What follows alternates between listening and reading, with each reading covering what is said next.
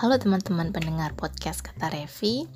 Hari ini untuk tantangan 30 hari bersuara Kita membahas mengenai move on. Seperti biasa Saya akan mengambil dari sudut pandang yang sedikit berbeda. Jadi bukan tentang move on dari pacar, move on dari masa lalu, whatever lah ya. Yang saya bahas adalah sesuai dengan judul podcast hari ini, Bad As Writer, penulis move on.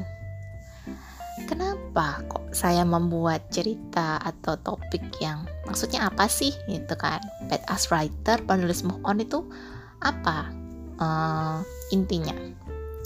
Jadi untuk pembukaannya, mungkin teman-teman terutama yang suka menulis biasanya akan bertanya seperti ini, terutama yang untuk newbie dan ikut kelas saya di Wordholic Class. Kak, bagaimana sih caranya mengatasi kritik terhadap tulisan kita? Atau bagaimana caranya supaya bisa menumbuhkan semangat ketika gagal lomba? Ya, pertanyaan-pertanyaan seperti ini sering sekali saya dapatkan. Mau dia penulisnya uh, usianya masih sekolah, uh, sudah bekerja, atau sudah menjadi ibu rumah tangga yang anaknya sudah dewasa sekalipun. Yang namanya mindset dan mental block itu bisa terjadi pada siapa pun, tidak melihat usia.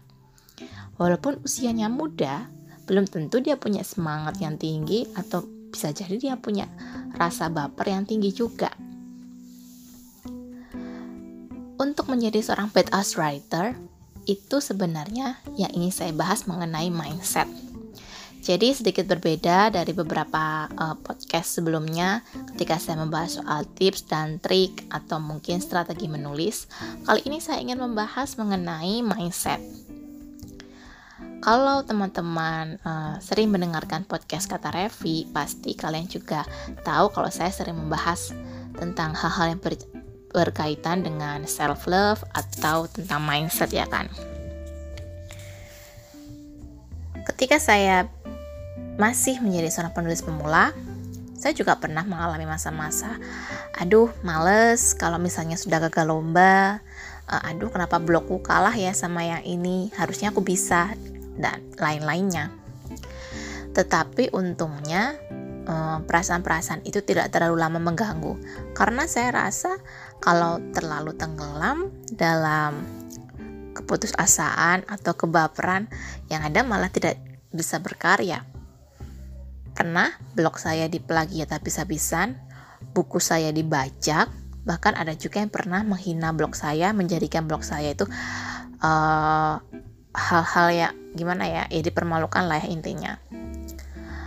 Ada juga yang bilang tulisan saya kurang lah atau ada yang bilang pernah nih eh, salah satu partner kerja juga bilangnya alah cuma penulis gitu aja kok bangga ya semacam semacam itu. Karena yang saya tulis kebanyakan masih ada unsur romansnya. Tentunya pasti adalah rasa jengkel rasa ingin balas. Tapi buat apa? Karena kalau saya fokus pada hal-hal negatif itu, yang ada malah saya tidak akan berkembang.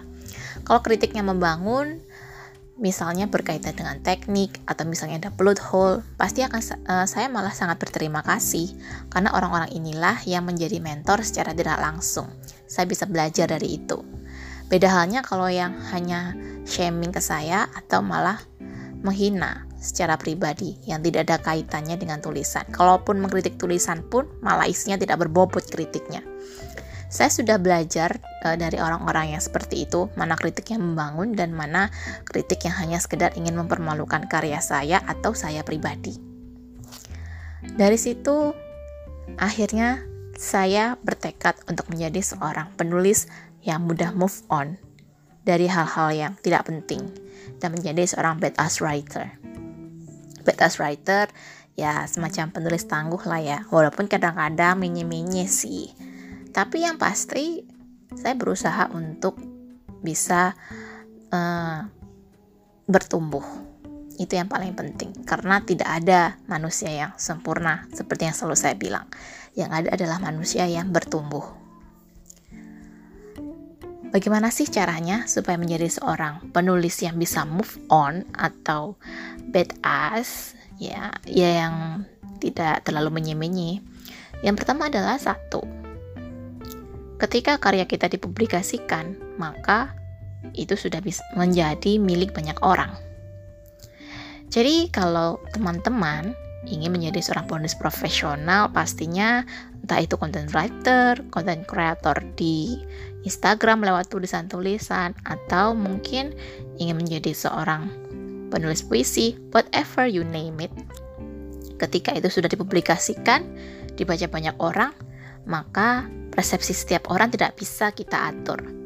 Ada yang akan suka dan ada yang mungkin tidak suka. Alasan tidak suka juga banyak. Misalnya nih, bukan seleranya, bukan genre yang dia suka, atau ya simply memang nggak cocok, nggak ada chemistry buat ngelanjutin baca. Rating yang misalnya mungkin reviewnya rendah di Goodreads atau di review di blognya kurang, mungkin kurang ya kurang pas di hati kita, ya terserah. Sedih nggak apa-apa, tapi yang pasti jangan sampai berhenti berkarya. It's a stupid choice. Kalau ada yang sampai bilang, aduh, kenapa kok banyak kritik, malah berhenti untuk menulis. Seharusnya ketika kita menemukan kritik, kita cari, kita telah kritiknya tentang apa. Misalnya tentang tulisannya kurang rapi atau mungkin banyak kata baku yang belum kita kuasai. Ya kita pelajari hal itu. Karena sebagai penulis tentu kita harus belajar. Beda halnya kalau misalnya kritiknya tadi berkaitan dengan shaming ya, yang memang alasannya tidak suka sama kita berkarya. Ignore them kalau misalnya di medsos mereka annoying, just block it. Loh kak, tapi kan kita berteman di dunia nyata. Kalau saya sih, uh, baper-baper di awal. Saya akan block dia, kalau dia bertanya akan saya jelaskan kenapa saya ngeblok. Ini memang butuh latihan, tapi medsos saya, it's my rules. Saya tidak akan mengepost tulisan-tulisan yang mungkin berbau vulgar atau foto-foto yang malah memancing perdebatan saya juga menjaga agar tidak sembarang share hoax. Tapi kalau ada orang yang sembarangan untuk mencela saya atau menjatuhkan harga diri saya, apalagi dalam proses berkarya di bidang penulisan, hmm, pertama mungkin unfollow ya. Kalau teman-teman di Facebook merasa nggak berani atau nggak suka untuk unfriend atau misalnya ngeblok, unfollow aja. Jadi kita nggak akan tahu postingan dia. Misalnya ada postingan kalau dia komen nggak jelas langsung delete saja komennya. Simple. Jadi yang pertama kita tidak perlu terlibat dalam perdebatan kusir.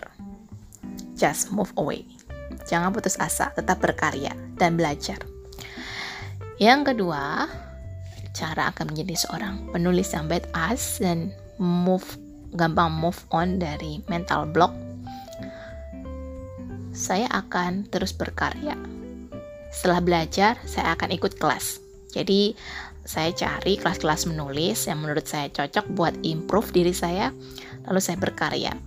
Kalau misalnya saya putus asa dengan salah satu uh, sindiran, ah Revi hanya bisa nulis romance, mungkin saya tidak akan pernah nulis buku anak, mungkin bahkan saya nggak akan pernah mencoba menulis uh, novel suspense thriller yang Alhamdulillahnya lolos lima besar tahun lalu dan diterbitkan tahun ini judulnya La Venganza. Sedikit promosi, kalian bisa baca di Cabaca, terbit tiap minggu. Kalau pakai koin juga nggak mahal kok. Ya kalau kalian suka, you buy it, you appreciate my writing craft. Ya, jadi kalian harus dong appreciate uh, penulisnya. Sorry promosi, tapi kalau kalian nggak mau beli koin, silakan untuk pesan versi cetak ke penerbit AT Press Solo. Jadi saya tidak ingin membuktikan apa pun. Saya juga tidak ingin menunjukkan uh, kalau misalnya nih ya saya ingin uh, menunjukkan bahwa saya adalah penulis yang berbakat, mungkin saya akan mencoba menulis religi atau yang lain-lain. Tapi saya tidak menulis itu. Saya punya minat di bidang menulis anak dan juga nulis thriller karena tema thriller juga sering saya baca maka ya sudah, saya belajar untuk itu. Sekaligus saya juga mengembangkan kemampuan content writing saya hingga akhirnya saya punya klien-klien, startup, dan membangun workaholic class. Saya terus bertumbuh. Saya fokus pada pengembangan diri saya. Kalau ada yang menghina, lupakan saja. Masuk kuping kanan, keluar kuping kiri. Atau malah mungkin masuk mau masuk, udah mental duluan. Saya tidak akan mengizinkan orang-orang untuk take advantage for myself. Sedih, sebel, marah, it's okay, itu manusiawi. Tapi ya sudah, fokus sama karya kita, perbaiki. Kalaupun sekarang masih buruk, nggak apa-apa. Namanya juga berproses. Itu karyamu, itu hasilmu, dan itu harus kamu perbaiki dengan proses belajar. Kalau misalnya saya berhenti atau saya baper sama hinaan-hinaan orang, mungkin workaholic class nggak akan pernah ada, ya kan? Jadi itu. Lalu yang terakhir, bagaimana caranya agar move on? Pada udah usaha segala macam tapi baper karena ini karakter ya. Mungkin ada orang-orang introvert yang melo atau apa. Karena saya extrovert dan saya uh, bukan sedikit ya dan saya cuek. Saya bisa mudah mengatakan ini.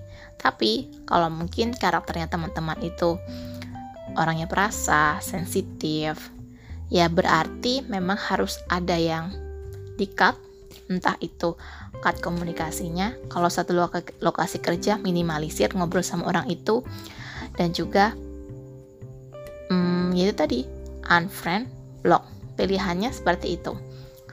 Jangan menjadi orang yang terlalu ingin membahagiakan orang lain tapi malah diri sendiri sedih dan orang itu nggak peduli.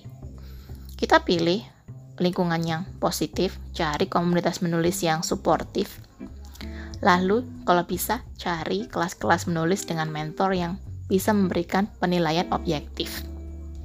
Itu. Jadi jangan fokus sama orang-orang yang bisa memberikan input negatif. Kalau misalnya ada yang bilang, nulis itu buat apa sih? Malah nanti nggak bikin jadi kaya.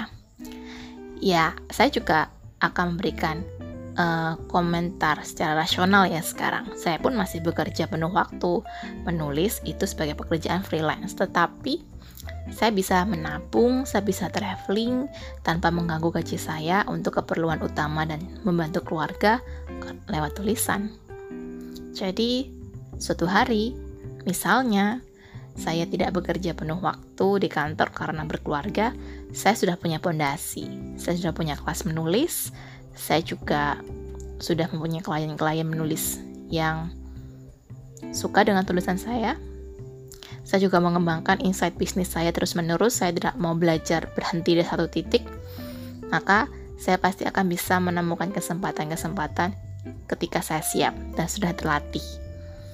Jadi sebenarnya untuk fokus menjadi penulis yang gampang move on dari mental block dan juga tidak terlalu menye ya fokus untuk memperbaiki diri, banyaklah membaca dan juga jangan terlalu sering membandingkan prestasi kita dengan orang lain. Fokuslah pada apa yang kita suka and you will find the way. Oke, inilah podcast saya hari ini tentang move on. Semoga teman-teman penulis, terutama yang masih baru mau berkarir secara profesional, ya memang perjalanan menjadi penulis itu ada suka dan dukanya. Bahkan dukanya bisa bikin kita baper berkepanjangan. Kalau kalian mau ingin jadi penulis profesional, coba deh baca biografi-biografi penulis luar negeri yang terkenal itu. J.K. Rowling bahkan sebelum menulis Harry Potter, dia harus menjadi seorang single parent, keluarganya berantakan, pekerjaannya juga tidak jelas sampai dia jatuh di bawah kemiskinan, tapi dia tidak berhenti menulis. Hingga akhirnya kita bisa melihat karya-karyanya seperti sekarang. Oke, terima kasih karena teman-teman sudah mendengarkan podcast kata Revi. Semoga ada insight yang bisa kalian terima. Sampai jumpa di podcast kata Revi berikutnya.